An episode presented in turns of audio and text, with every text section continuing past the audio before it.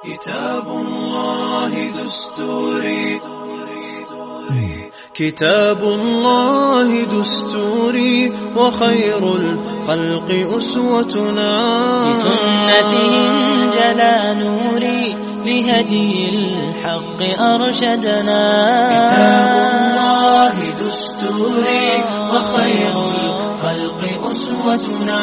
بسنته جلا بسم الله الرحمن الرحيم الحمد لله رب العالمين وأفضل الصلاة وأتم التسليم على سيدنا ونبينا محمد وعلى آله وصحبه أجمعين.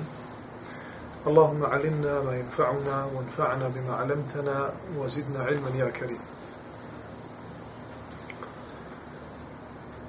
Imam Buharija naslovljava sljedeće poglavlje sa riječima sin neće zvati oca po imenu, neće sjedati prije njega i ići ispred njega.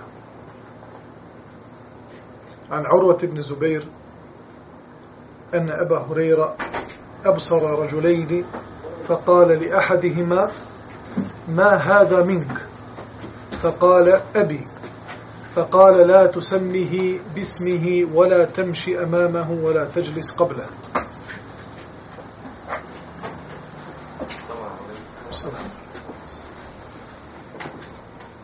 Imam Buharija stavlja naslov u knjizi Ebu Edebul Mufred, kako smo ga i pročitali, na osnovu predaje da je Urvat ibn Zubair vidio Ebu Hureyru radijallahu anhu kako je Eba, Eba Hureyra primijetio dvojicu ljudi kako idu zajedno.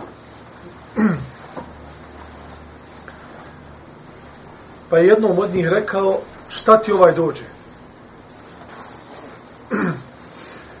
I ovdje se normalno ogleda i jedna od metoda koji je koristio Ebu Hureyra i svaki onaj ko E, poznaje metode podučavanja ljudi, što je veoma bitno u samom prenošenju znanja i u samom odgovi znanja.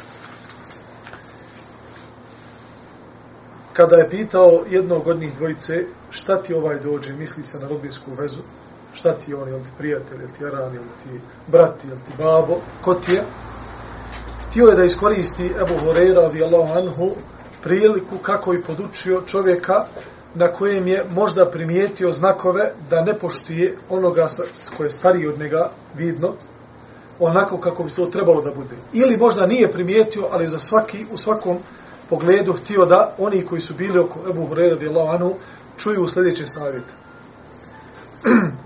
pa je ovaj čovjek rekao, što je upitan, ovo mi je babo. Na to će Ebu Hureyra radijallahu anhu nemoj ga zvati njegovim imenom. Kada mu se obraćaš svome babi, nemoj mu reći o Hamza, o Mustafa, o Huseine, nego mu reci o babo moj, o babuka i ono što dolikuje babi, kako bi na taj način mu pokazali znak poštovanja i sve ono što čini našeg babu e, ponosnim na ono što će doći od strane njegovog sina. Nemoj ga zvati njegovim imenom, nemoj hodati ispred njega. Znači da ne bude ispred babe, pa da se čini da je on taj koji voda babu, a ne da bude babo taj koji voda svoga sina. Pogotovo kada dođe, dođu godine, kada očevi već ostare, a njihovi sinovi do, do, budu u najboljoj dobi. I onda je u istinu sin u velikoj prednosti i mogućnosti da preteče svog babu ili da ide brže od njega. Što na jedan način e, govori o tome da taj e, sin ne poštuje ono što je njegov babo poštovao dok je on bio mali. Jer očevi šta danas rade sa malom djecom? Kada izvedu napolje, kada ih šetaju, idu korakom svoga malog djeteta. Ne zbog toga što se njemu ide tako sporo, nego zato što njegov mali sinčić ne može brže. Pa se babo prilagođava koracima djeteta shodno njegovim mogućnostima.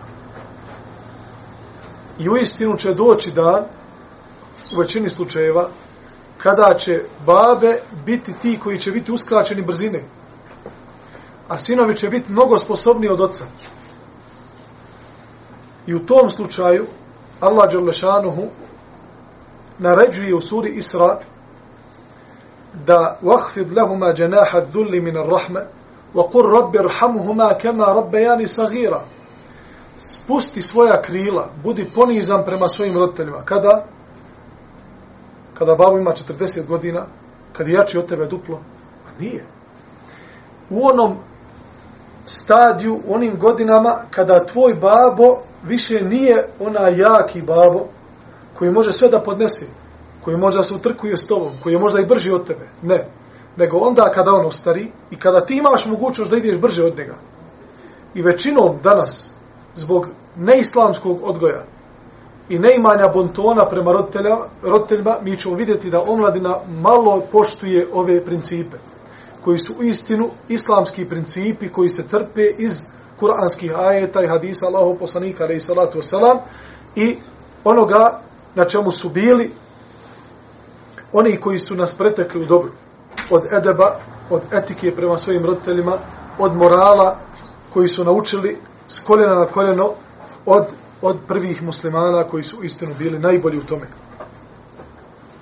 Što znači da poštujemo svoje roditelje i kaže Allah Đalešanu وَقُرْ رَبِّ رَحَمُهُمَا كَمَا kema rabbayani Allahu naš ti se njima smiluj kao što se oni meni smilovali kad sam bio mali. Međutim da li u istinu taj mladić ili ta djevojka iskreno dove Allahu Đalešanu da se smiluje njihovim roditeljima kada ostare kao što se njihovi roditelji njima smilovali, nama svima, kad smo bili mali, ako mi svojim dijelima kršimo tu milost za koju dojimo Allahu Đalešanu za naše roditelje. Kao, na primjer, da idemo brže od njih. Zar to nije košenje dove koji ćeš ti uput svojim, svojim roditeljima Allahu Đalešanu za rahmet njima, da ih se smili u poznim godinama kada ne mogu, kao što su oni nama smilili, smilovali u, u, u malom dobu kad mi nismo mogli. Wala tajlis qablahu i nemoj sjedati prije svoga babe da bi na taj način potvrđivao svoje uvažavanje oca i onda kada ti on više ne treba. Djeca dok su mala, htjeli ne htjeli, uvažavaju svoga oca i svoje majke. Zato što nemaju dovoljno snage, nemaju dovoljno kapaciteta, nemaju dovoljno e, odlučnosti za odvajanje u samostalan život i onda dok je malo. Čim naraste, čim osjeti silu, čim osjeti snagu, čim osjeti mogućnost da on sam privredi i donese na faku, babo i majka su već u drugom ili trećem faktoru. Znači, oni su već neka druga, treća liga. Nisu prva liga u našim životima. Što je veoma opasno. Što je veoma opasno i o tome govori upravo ova predaja o, od Ebu Hurere radijallahu anhu. Na taj način ćemo pokazati svima oko nas, a prvenstveno svojim roditeljima da ih mi i dalje uvažavamo da kada dođemo zajedno sa našim roditeljima, sa našim babom ili majkom na, na sjelo, da ustupiš mu da sjede prije nego što, što ti sjedneš. Ebu Hureyra radijallahu anhu je ovim savjetima pokazao jedne opće smjerove kako da se poštuje otac dao nam je opće smjernice da ga na lijep način zovneš, da u društvu on bude taj koji će voditi govor, da, ne sam, da nije samo pitanje sjedanje prije babe nego sina. Jer šta smo dobili time? Ako dođemo na sjelo, otac i sin. I sin neće da sjedne dok babo ne sjedne. I onda kad babo sjedne i sin sjedne, babo progovori jednu, ovaj pet. Babo će našto razine, sin je pametni. Jesmo li dobili time poštovanje roditeljima? Nismo. Što znači da ukupna etika i sve ono što se tiče poštivanja i davanja posebnog mjesta roditeljima nad ostalim ljudima, tiče se ove predaje. A kada govorimo o roditeljima i poštivanje roditelja, nezaobilazno je a da spomenemo i jednu drugu vrstu roditeljstva. A to je ono što je poznato bilo kod Selefa, jeste el ilmu rahimun bejne ehlihi.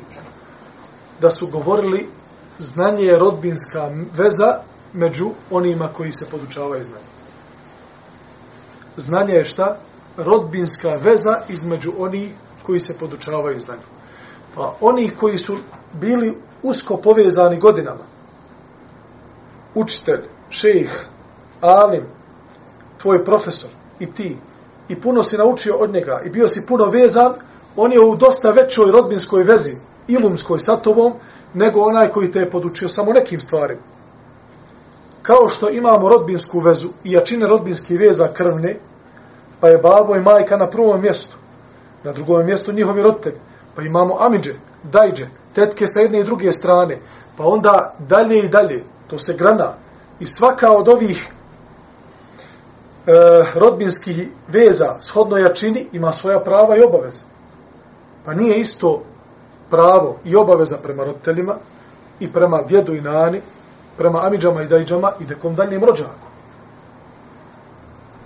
I o tome i Kur'an i Kerim govori i Allahu poslanik sallallahu alejhi ve selleme kada spominje u hadisima koji će doći sa nama sada spominje da čovjek udjeljuje i da bude dobročinitelj onima koji su najbliži oko njega, zatim onima koji dolaze iza toga, i zatim onima koji dolaze iza toga.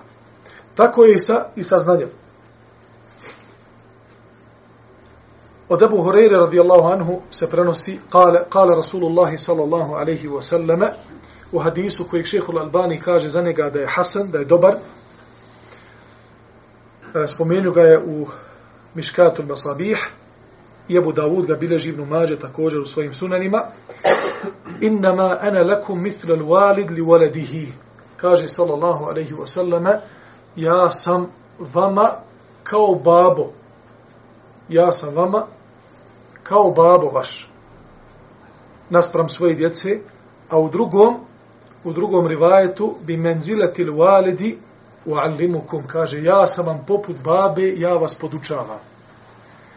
Allahu poslanik sallallahu alejhi ve sallame u ome hadisu nam otkriva e, zbog čega ima mjesto babe kod, kod ashaba. Zbog toga što ih podučava znanje i podučava hajru.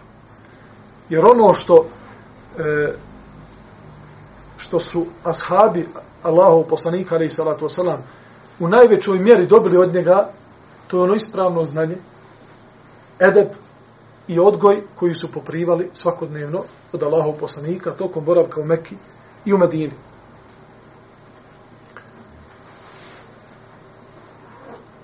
Poznato je, i navešćemo nekoliko predaja, da bi islamski učenjaci, muhaddisi, fekihi, islamski pravnici, da bi jedan drugoga znali nazvati babom, čak i djedom. Pa, na primjer, onaj, u moj se kaže kada su kada je e, spomenut e, kada je spomenut e, spomenuta biografija od Ibn Surejđa kaže on je jedan od mojih djedova u fiku. Jedan od mojih djedova u fiku. Šta znači da mu je djed u fiku? Znači da je ovaj učio od njegovog učenika da je ovaj učio od njegovog učenika od, od Ibn Surejđa Ibn Surejđ je podučio čovjeka znanju fiku islamskom znanju, adab. Taj insan je podučio mene. Šta ja kažem za Ibnu Surejđa? Da mi on djed po znanju. I time bi se ponosili islamski učenjaci da bi u svojoj silsili, u svom senedu, u lancu imali velikane. Pa tako imamo senede, lance koji potvrđuju ispravnost učenja Kur'ana i Kerima na pamet ili hadisa koji su čak došli do nas i njih je desetinama, koji su došli do nas sa lancem prenosilaca sve do ovoga doba, ne, nisu se samo zaustavili e, do ravija hadisa poput Buharije, Muslima, Nesaija, Ibn Mađe i ostalih muhadisa, što je u globalnom smislu to pravilo. Da su svi senedi završili sa njim. Zbog čega mi toliko poštujemo te knjige? Zbog čega mi toliko poštujemo sun, e, imama Ahmeda? Zbog čega toliko gledamo sa veličinom na Buhariju, na muslima, na sunane Ibn Mađe, na Saija i ostalih, ostali muhadisa. Zbog toga što se senedi od Allahovog poslanika prema njima, ko je kom je prenio hadisa generacija na generaciju, završavaju upravo na tim ljudima. I oni su to sveli u svoje kitabe, spomenuli ti senede i oni su bili posljednji u tome. I zbog toga oni kada su napisali svoja djela, hadiska, oni su time zapečatili zapečatili su time moguće, moguće laganje na Allahog poslanika. Dodatno. Jer nema više seneda. Spušteni su hadisi i sada je na islamskim učenjacima, na muhaddisima, da odrede koji su hadisi vjerodostojni, koji su dobri, koji su loši, koji su skroz loši ili izmišljeni. To je na njima. Nije na njima da dalje prenose senede pa da pitaju e, Mustafu ili Ahmeda, Ahmeda odakle se čuva taj hadis. Pa kada pročito sam ga, kod imama Ahmeda, na primjer, u Musnedu. On ti kaže, to mene ne interesuje. Gdje ti je sened do Allahu poslanika? Ti kaže, nemam potrebe da imam taj sened. Zato što ga je imam Ahmed, taj sened sročio u svome Musnedu i završio je na njemu. Ja vjerujem da imam Ahmed je bio čovjek povjerljiv, koji je spustio te hadise i na nama je samo da odredimo sada u tom senedu ko su bili ljudi, da li su bili lašci ili su svi bili e, po kriterijama muhaddisa i uleme džerhi tadila, da li su bili sposobni da prenose vjerodostojno da lavu poslanika, pa bi za taj hadis rekli da je šta? Da je vjerodostojno. Pa bi oni često, kada bi prenosili znanje jedan od drugog, hvalili bi se da imaju velikana u svojim senedima. Pa na primjer imate sened iz Kur'ana Kerima, gdje imate na primjer 29, 28, 30 ljudi, 32 čovjeka u senedu do lao poslanika ali i salatu salam. A onda da dotični čovjek, vlasnik seneda, koji je dobio od svog šeha nakon što je proučio hatmu jednu pa drugu pa ga ispitao, dobio je taj sened. Da je s koljena na koljeno učen Kur'an sve do njega i on ga je dobio. I on ga sutra može prenijeti nekom drugom, mlađoj generaciji da taj sened i dalje traje. Šta se dešava? Vlasnik seneda sa pravom kaže prije 800 godina u mom senedu je živio taj taj čovjek, velika islama. Ovaj ga nije upamtio, ništa uzne, od njega uzeo. Ali mu je ovaj pra, pra djed u čemu? U znanju. Pa se zbog toga šta? Zbog toga se ponosi.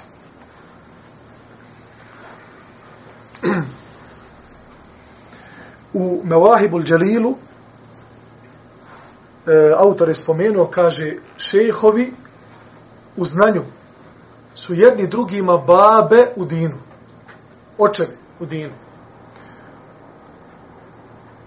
wa waslatun bainahu wa bain rabbil alamin i oni su veza jedni drugima koja ih veže do gospodara svjetova jer, jer to je islamsko znanje kao što kaže imam Ali radijallahu anhu الرجال يعرفون بالحق ولا يعرف الحق بالرجال kaže ljudi se prepoznaju po istini a istina se ne prepoznaje po ljudima što znači da da, e, da mi ljude važemo po istini koja je pri ljudima, a ne važemo istinu po ljudima. Međutim, kada su islamski učenjaci pogledali e, ovu izjavu imama Alije, radijallahu anhu, ona je ispravna u osnovi. Međutim, hel ju'arafu l'haku illa bir riđal? Da li, po, da li se može spoznati istina osim preko ljudi? Da li mi možemo doći do istine koju Allah Đalešanu objavio Allahom poslaniku osim preko ljudi? osim preko onih koji nam prenose znanje, osim preko onih koji su žrtvovali mnogo, studirali, učili, danima, noćima, mjesecima, godinama, bdjeli noćima nad knjigom, da bi nas podučili, da, da bi nam otvorili oči u određenim momentima, da bi razumjeli vjeru kako treba. Zar se može istina na drugi način spoznati? Ne može. Što znači da Islam nas uči da ne gledamo sve to u ljude ali u isto vrijeme islam nas uči da svakom čovjeku damo njegovo, njegovo pravo.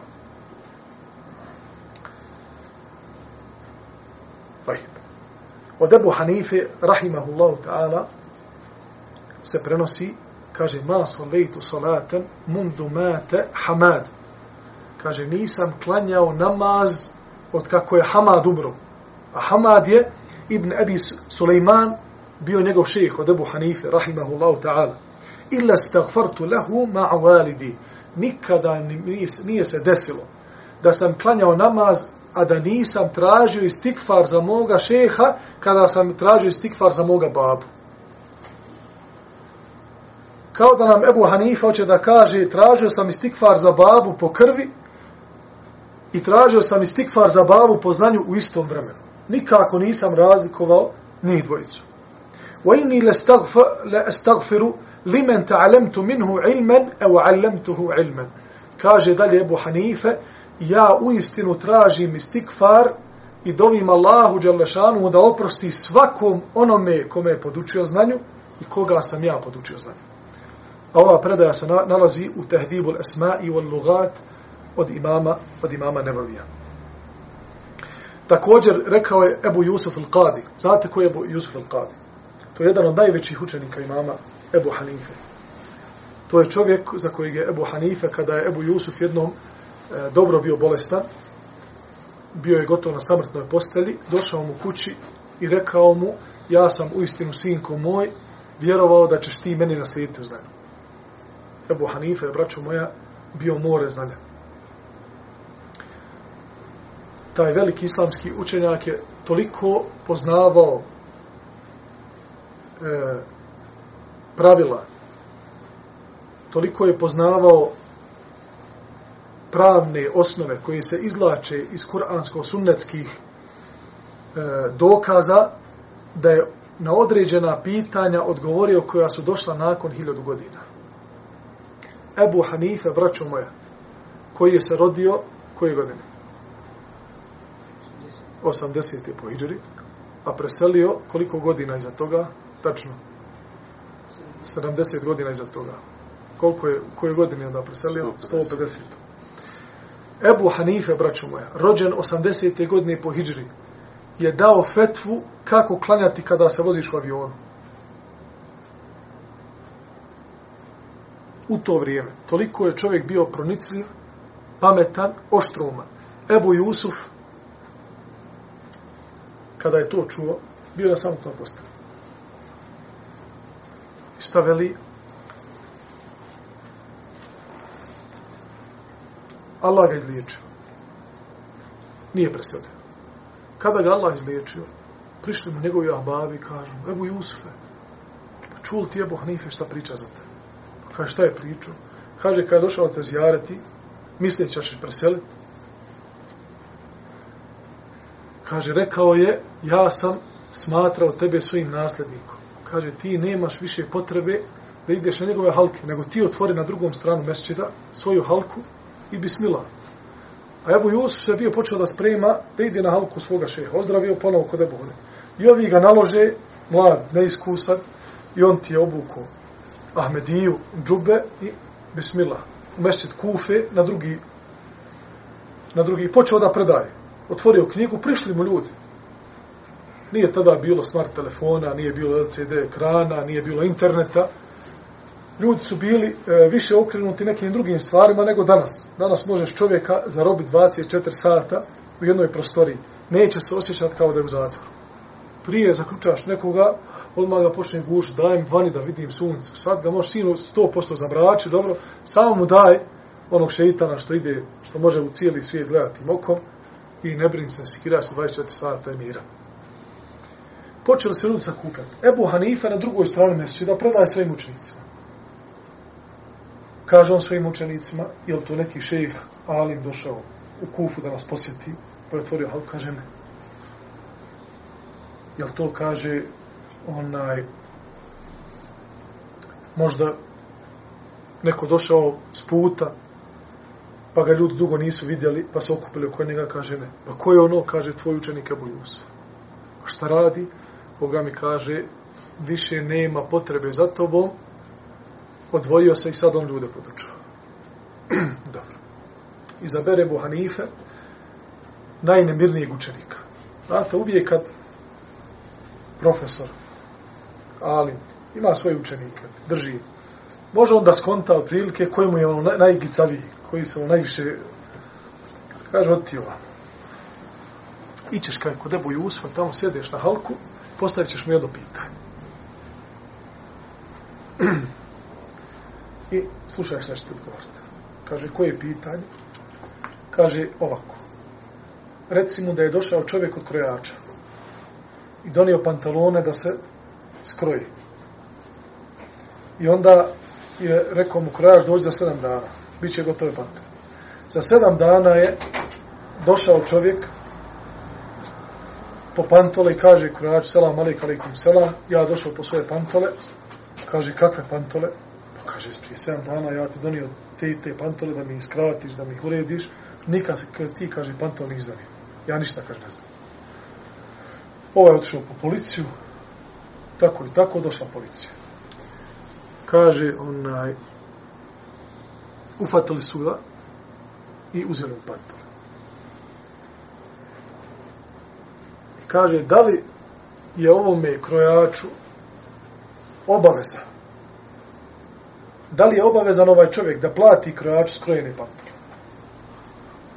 Znači, on je sad dobio skrojene pantole, policija mu oduzela čovjek opisao svoje pantole, ljudi prije 7 dana, doveo možda svoju ženu, kad je ušao kod čovjeka, u, kod onog krojača, žena ga sačekala ispred, žena posvjedočila, ba, bio otišao mi muž, znači policija vidi u očima, sve su oni skontali, gdje su pantole, daj vam pantole, uzmi.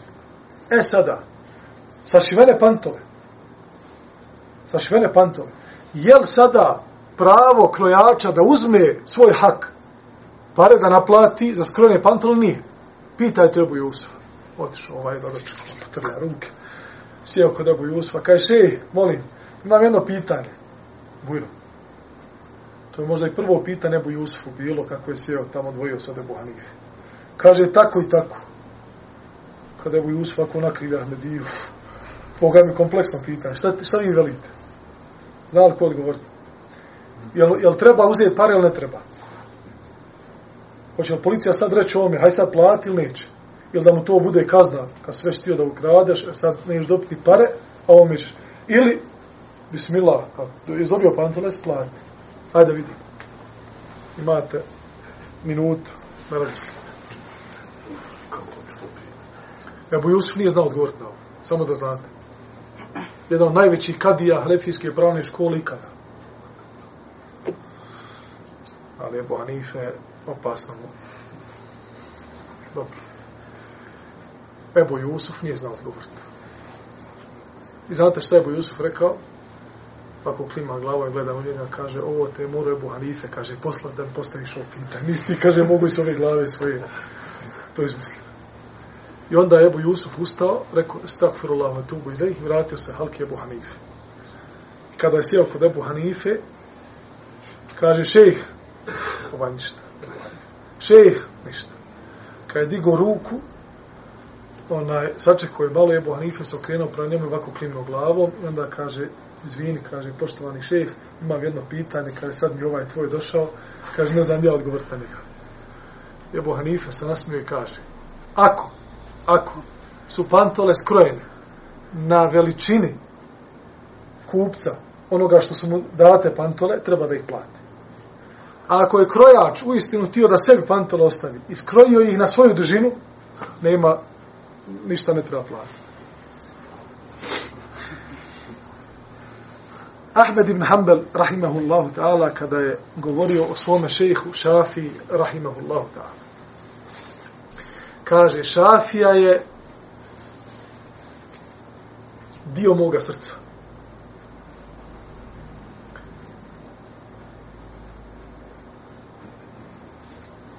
Nisam nikada vidio od njega osim hajr, i bio je puno privržen sunnetu Allahov poslanika. Od Abdullaha, sina imama Ahmeda, se prenosi da je rekao svome babi Ahmed ibn Hanbelu kakav je to bio čovjek šafiji. Pošto je imam Ahmed stalno govorio imam šafija, imam šafija, pa ga je njegov sin Abdullah pitao pa ko je taj čovjek bio? Fa inni sami'tuka tekthuru min ad-du'a lehu. ja te stalno čujem kako dobiš za njega. Pa mu je rekao, o sinko moj, Imam Šafija je bio poput ovo dunjalučkog sunca. I bio je lijek za ljude. Fanzur, pa pogledaj ti, da li može neko reći da može bez ovog dvoga ili da može naći zamjenu za ovo dvoje? Može li ko reći da ima zamjenu za sunce, da imamo neke reflektore koji će nam zamijeniti toplotu sunca i njegovu snagu i njegovu svjetlost? Ne može. Da li može iko reći da može bez zdravlja? Pa neka sam bolestan cijelu život. Kaže, to je imam šafija bio za ljude, rahimahullahu ta'ala, a ova predaja se prenosi kod imama Dehebija u knjizi Sijer A'lami Nubela. Umu, dar, umu Darda, od Ebu Darde, radijallahu anhu, supruga, je rekla, Ebu Darda je imao 360 prijatelja u ime Allaha. Svaki put na namazu bi dovio za njih po na osob. Fakultu rahu fi dhalik, faqal. Pa sam mu ja to spomenula, što svaki put doviš 360 imena spominje. Kada dovi za svoje prijatelje. Pa sam mu ja rekla, olakšaj se, nema potrebe. Reci, Allah moj, smiluj se svim mu'minima i mu'minkama i mojim prijateljima, ime Allaha. To je bola više. Pa je on odgovorio Ebu Darda radijallahu anhu. Innahu lejse bi rađulin jed'u li ahihi illa wakkala Allahu bihi melekejni jakulani walaka bi mithl. Neće čovjek za svoga prijatelja, za drugog čovjeka muslimana, doviti Allahu džarlešanuhu, a da Allah neće zadužiti dvojicu meleka da govore amin i tabistu. Efela argabu en ted'u lil il melaike, pa kaže, zar ja ne bi volio da za mene dove meleci? Ja dovim za svoju braću. A onaj ko amina na moje dove su bezgriješna bića, la ja'suna Allahe ma emarahum o jefa'alune ma ju'marun Nikada Allahu ne krše ono što, što im je naređeno. O jefa'alune ma yu'marun. I sve ono što se traži od njih, dosljedno, dosljedno to, to završi. Ja se sjećam jedne prilike, poznavajući obojicu ljudi, onaj ko je jedan hafiz, Allah jahfaduhu, sreo jednog našeg brata dok je bio mlađi, možda sa 18 godina. I upoznali se oni. I ovaj njemu kaže, moje ime je Amr. Ovaj naš brat, koji je moj prijatelj, moj vršnjak. To je bilo poda. I oni se rastali. Prošlo je 4-5 godina od tada. I ponovno se sreli čim su se sreli, kad je ovaj hafiz pružio o mladiću ruku i kaže mu selam alaikum amre, ovaj se brat začudio. Pa kaže, zar se tupam moje ime? Ovaj se nasmije i kaže, tako mi je Allah. Onaj dan kad smo se sreli, kada si mi rekao svoje ime, od tad, pa sve od, do, do dan danas, nije prošla ni jedna noć, a da te po imenu nisam spomenuo dobiti.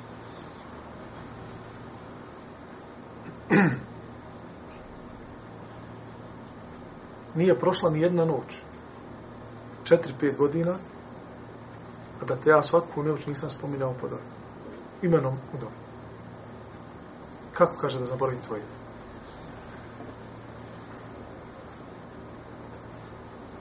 Ova je ostao bez, bez teksta, koji vi, znači, to ga je šokiralo ga u pozitivnom smislu. Čovjek, znači, kad nije s pao. I ti momenti ti momenti e, oživljavaju prvo vezu među muslimanima jačaju prijateljske veze e, pomažu ljudima da ostanu u zajednici pomažu ljudima da njihova srca ne budu razjedinjena. Mi vidimo kolika je cijena danas kolika je cijena danas razjedinjenosti muslimanskih srca i velika udaljenost srca muslimana jednih prema drugim. Da se nema toliko osjećaja. Da se na lahak način čovjek iksira. Da na lahak način kaj mar, što ću ja sa njim. Da se na lahak način zamrzi, posvađa, verbalno izvređa i tako dalje. To dolazi iz jednostavnog razloga zato što u osnovi nemamo alate ne posjedujemo u svojih životima alate koji će nam pomoći da uvežemo srca jedni drugih. Da se približimo jednim drugim. Da zavolimo jednim drugim. A nije razlog tome što su ljudi počeli da griješe. Jer od pamti vijeka ljudi griješe. Od pamti vijeka prijatelj, prijatelj prije, prema prijatelju pogriješi. Kaže mu, kaže mu neku riječ koja će ga uvrijediti. Ali, oni alati koji su oni posjedovali prije, preko koji se zavolili, dijela koje su radili jednim drugima, koji nikada neće moći zaboraviti, učinili su to da su oni prelazili jedni drugima preko greški i nastavilo je to prijateljstvo. A ne zbog toga što oni nisu nikada možda zamirili ili što nije nekada nekome e, teško palo određeni gest svoga prijatelja i tako da. Nije. Ali su posjedovali i posjeduju prisni prijatelji ono što ih čini takvima. Jedno od e, zlatnih savjeta Lukmana svome sinu jeste i taj da je govorio Džalis il ulema وَزَاحِمْهُمْ بِرُكْبَتَيْكَ Sjedi među ulemom, sinu moj. I kaže, gužvaj se, približuj se, kaže, njima sa svojim sa svojim koljenima. Znači, sjediš na tešehud i budi im što bliži. وَلَا تُجَادِلْهُمْ وَهُدْ مِنْهُمْ إِذَا نَاوَلُوكَ I nemoj se raspravljati sa ulemom. I uzmi od njih ono što ti oni već dadnu. Znači, kada ti dadnu, ti to uzmi. I nemoj, kaže, puno ih nešto ispitivati. Jer u istinu, miješanjem sa islamskim učenjacima, sa šehovima, sa našim učiteljima, ono što sam mogao vidjeti iz iskustva, jeste da niko ne voli da ga puno neko ispituje. Ne zbog toga što on ne želi da odgovori. Ne zbog toga što on ne želi da e, tom učeniku dovolji na određena pitanja ili što želi da sakri ilum ili ne želi da ga podijeli.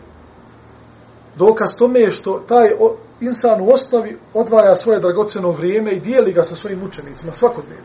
Što znači da taj čovjek da prezire da dijeli ljudima znanje i prezire znanje e, vrijeme koje utroši na tome, ne bi onda ga davao.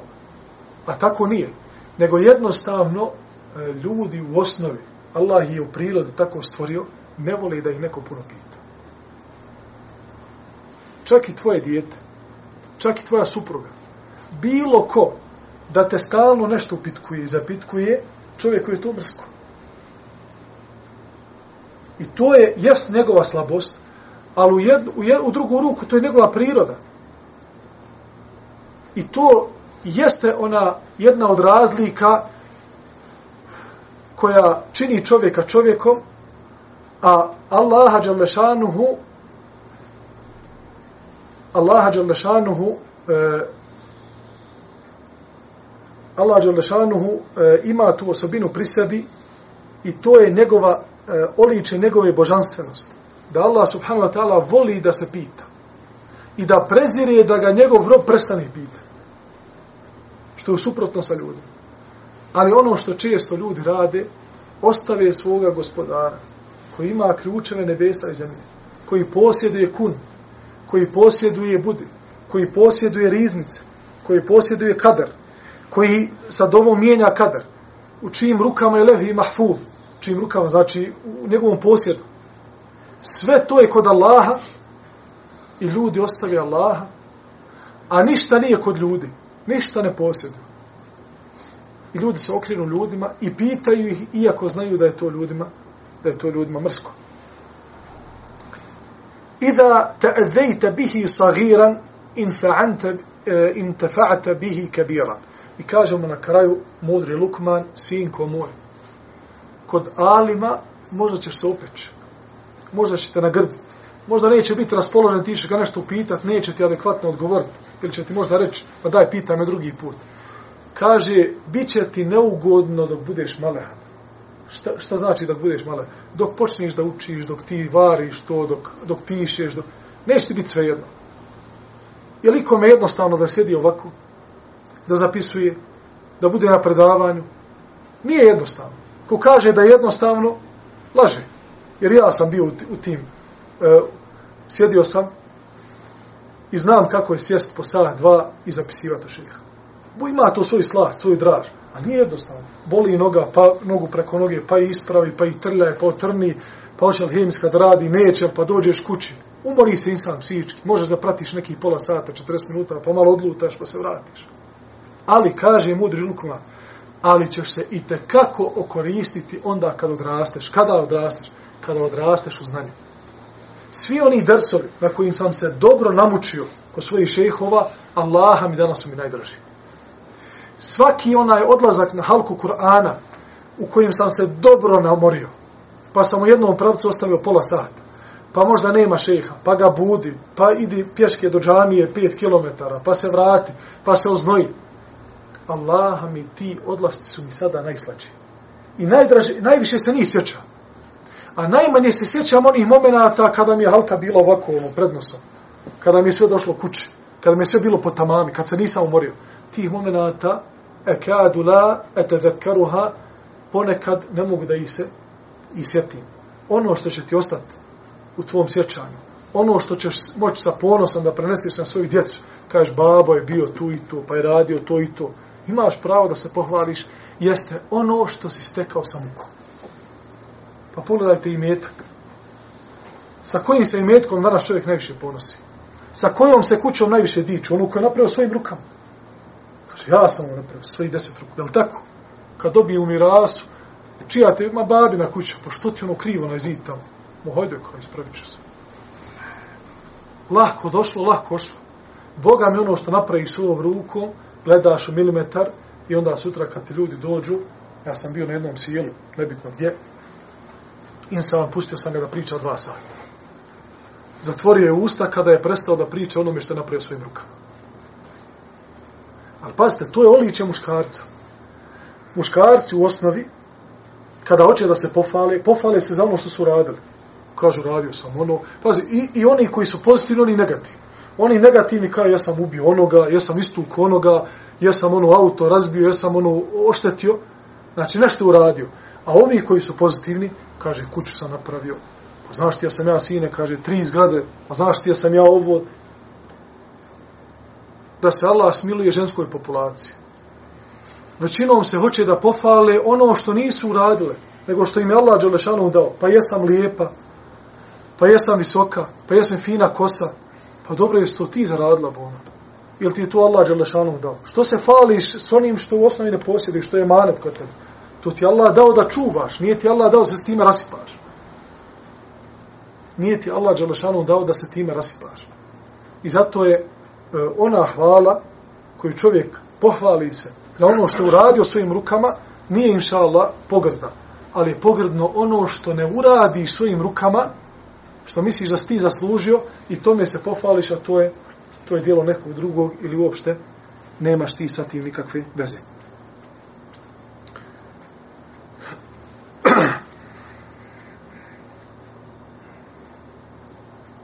Kaže Ebu Jusuf al-Qadi, opet Ebu Jusuf, kaže, sa petoricom moraš polako.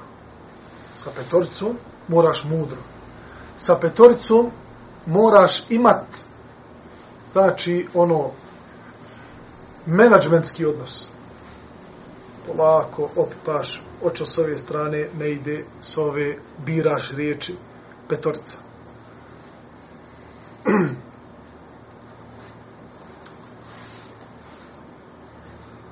opasni vladar. Dođeš kod vladara, znaš da mu je lahka ruka na odluci, pogotovo prije.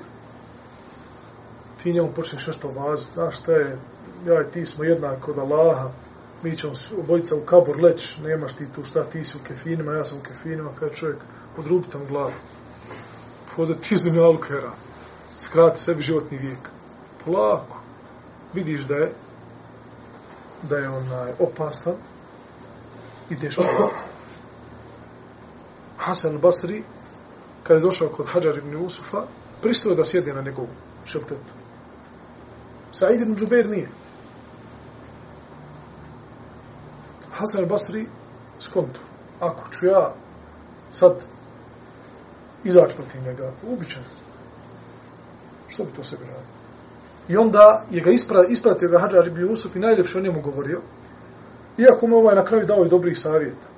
Na savjet ovoga da ne smije da, da ubija u ne smije da ubija nevine ljude, ne smije ovo, ne smije ovo. Ali to radio na jedan, na jedan način koji, o kome govori Ebu Jusuf. Wal qadil mutaawil. Znači imate suce filozofe. Znači on je on gleda u tebe. Ti možeš biti onaj koje koji ima svoj hak. Nisi ti kriv u sudnici.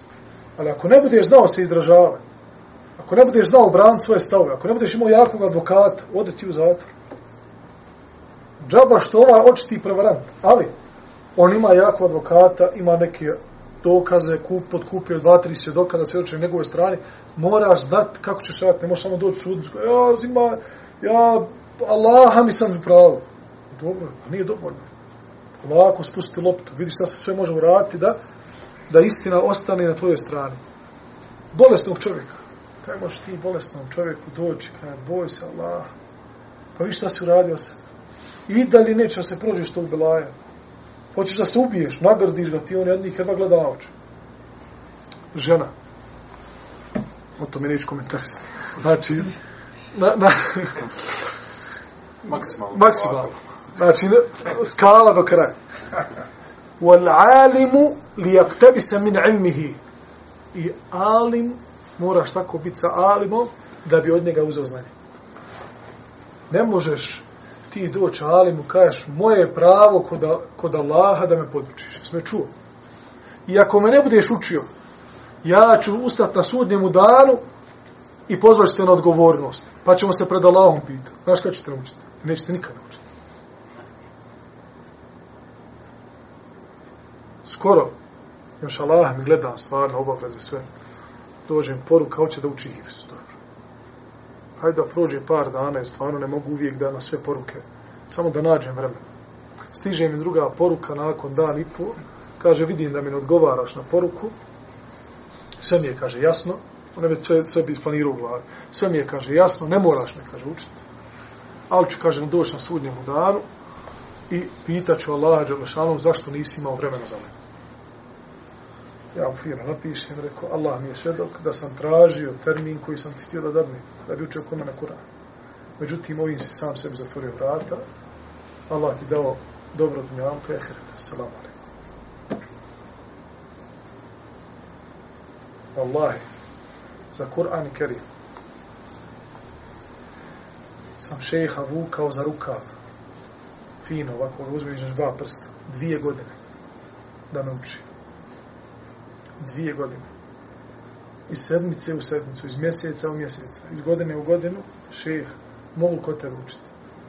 Pa hajde samo rekao da Fatihu prouči, samo da ja uđem, da on čuje kako ja učim, pa da, da krenem.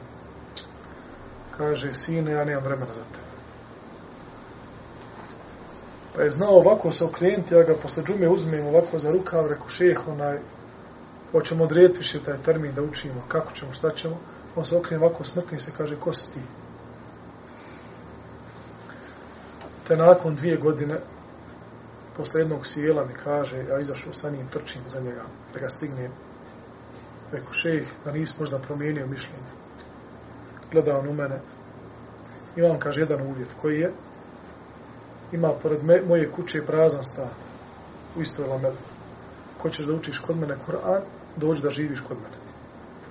Tako mi je Allaha koristio sam se od njega u na, nakon toga godinu i pol. Svaki dan je bio sa mnom prosječno 2 do 3 sata. I toliko ga volim da kad god neko priča o ljubavi, o brastu, njegova mi slika pred očima. I on mi u glavi. Kad god govori neko o nekome da je daleko, a da ga voli, on mi naupadne. Niko drugi. Ali dvije godine sam ga ovako. Ja i ne znam ko mi je poslao poruku, traži od mene da ga ja odmah pod hitno moram naučiti Kur'an. I nakon dan i po, ja mu ne odgovorim na poruku, sve mu je jasno još na sudnjemu danu traži da se raspravlja. Sudi. Wallahu musta'an. Kaže imam šafija. Qila li Sufjan ibn Uyayna, rečeno je Sufjan ibn Uyayna, inne qauman ya'tunaka min aqtar al-ard. O Sufjane, Sufjan ibn Uyayna. To je braćo moja jedan od najvećih islamskih učenjaka u istoriji islama. Nego Allah dželešanu nije dao da ima toliko sledbenika svojih. Njegovi učenici nisu toliko zapisivali kao učenici mama Šafi, Ahmeda, Malika i Bohanif. Međutim, u istinu je bio njihov, njihov ranga. Čak u nekim situacijama možda jači kaže, do, nekomu je prigovorio, dolaze ti ljudi s kraja Dunjalu kada uče znanje kod tebe. Tako da bo alihim, ljutiš se na nju, on je bio ljut. Učenik ispruži noge u međlisu, skupite ovi. Neko se počeše nešto, jel ono, prispao mu se, galani, galami, ne, za, ne pišeš. Kod e, uh, Sufija Minu Jejne, uf, ne dragi Allah, bolje ti je bilo da si došao u džamiju i klanio okrenut kontra od kible. Ne, ne pišeš od mene, a hoćeš da, da, da, da sutra kažeš da sam ja tvoj šejh, a ti moj učenik, iz napolje. Tako je bilo kod, kod Sufija i Pa mu neko rekao, pa ljudi dolazi iz daleka. Ostali svoje gradove, svoje majke, svoje oče, svoj nafaku, svoj biznis, svoju pijacu, sve ostavili, dolaze tebi. Što se toliko ljutiš, ne malo zim se kaj smilo, progledaj im kroz prstu. Juše kon jedhabu je trukunek. Kaže, ako nastaviš ovako, nap, otići od tebe. Nećete više slušati. Pregrup si. Kaže, ako to urade, oni će biti ahmaci. Poput tebe, što ga je taj pitao.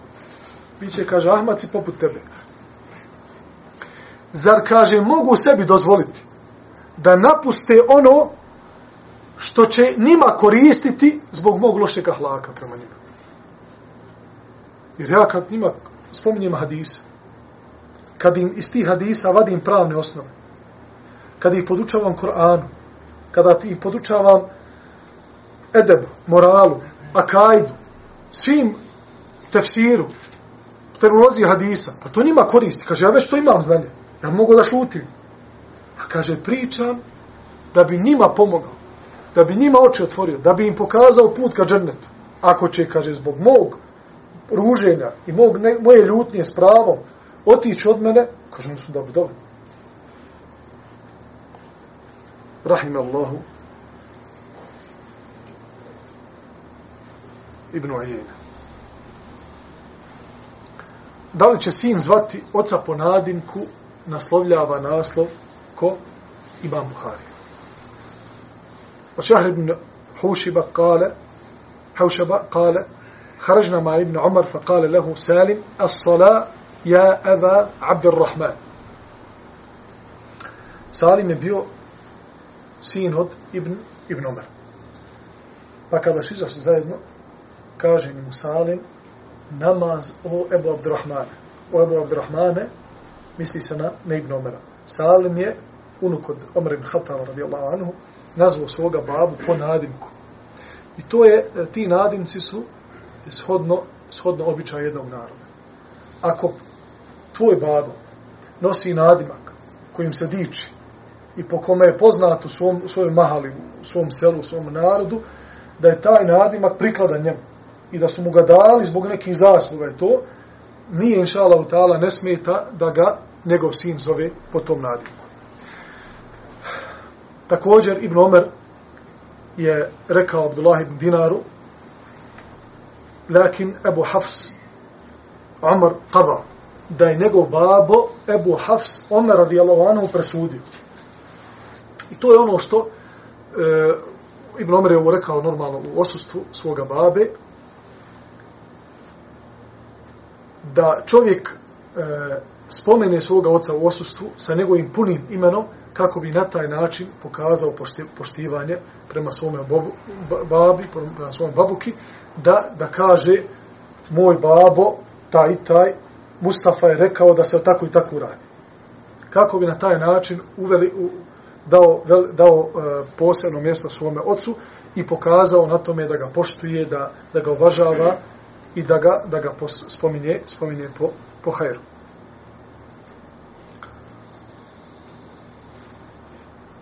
Od e, Bekr ibn Haritha, Elen Marija,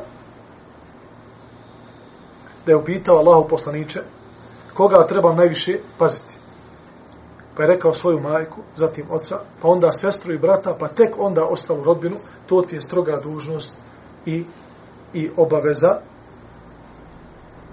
Ovaj hadis bileži Ebu Davud u svome, u svome sunanu i to je onaj hadis među brojnim hadisma e, gdje smo govorili na, na samom početku predavanja da e, rodbinska veza ima svoju jačinu i shodno jačini rodbinske veze nama, na nama je da se obhodimo prema onim koji imaju hak kod nas, pa najveća rodbinska veza je, su tvoji roditelji, pa rod, e, roditelji tvojih roditelja, pa i tvoje, tvoja djeca, tvoji amiđe, tvoje dajđe, tvoje tetke i onda oni koji dolaze, dolaze nakon, nakon njih. Od Abu Ejub al-Ansarija da je Beduin došao Allahom poslaniku sallallahu alaihi wasallam i da ga je pitao o islamu, da ga je pitao pa je Allahu poslanik sallallahu alaihi wasallam kada je ovaj Beduin rekao أخبرني ما يقربني من الجنة ويباعد wa yubayi'u عن النار šta je to što me približava džennetu a udaljava me od vatre, rekao poslanik sallallahu alejhi ve selleme ta'budu Allaha wa la tushriku bihi shay'a wa tuqimu salata wa tu'ti zakata wa tasil rahim. Da Allahu, da Allahu obožavaš, a da mu drugi ravni ne smatraš, da obaviš namaz, da daš zekat i da spajaš rodbinsku rodbinsku vezu. Ispomenut ću posljednji hadis ovoga predavanja od Ebu Hureyre radijallahu anhu, da je Allah poslanik sallallahu alejhi ve sellem rekao خلق الله الخلق kada Allah stvorio stvorenja falamma faraga minha minhu qamat ar-rahim kada Allah sve stvorio stvorio stvorenja ustala je rodbinska veza pa je Allah rekao me polako znači ustala rodbinska veza kao da nešto želi kao da nešto traži فقالت قالت qalet pa je rekla hada من al-a'idhi bika min al-qati'a ja želim da mi nešto obećaš za onoga kome kida rodbinska veza ustala i tražila od Allaha da Allah Đalešanuhu zaštiti rodbinsku vezu od onih koje ih kidaju. Kale, rekao Allah Đelešanu, Ela tardajne en asile men wasalaki? Hoćeš li biti zadovoljna? Da ja pazim onoga ko tebe pazi. Wa akta men qata'aki? I da prekinem svaku vezu sa onim ko tebe prekine. Qalet bela ja rabbi. Pa je rodbinska veza rekla zadovoljna sam. Ako ćeš mi to dati da bi sačuvao svetost rodbinskih veza ja sam zadovoljna Kale, fekedalike leki. To tebi pripada.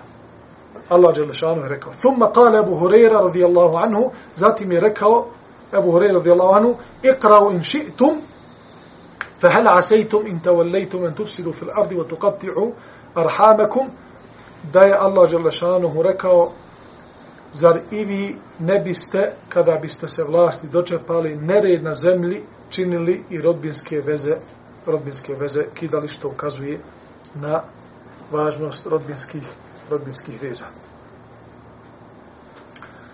Molim Allaha subhanahu wa ta'ala da nam se smiluje, da nam omili sunnet u našim životima, da nas uputi na pravi put, oprosti nam grijehe i učini nas od onih koji se vole u ime Allaha Đalešanuhu i da nam naša srca ujedini i da nam pokaže puteve do njegovog zadovoljstva. أقول قولي هذا وأستغفر الله لي ولكم سبحانك الله وبحمدك أشهد أن لا إله إلا أنت أستغفرك وأتوب إليك وجزاكم الله خيرا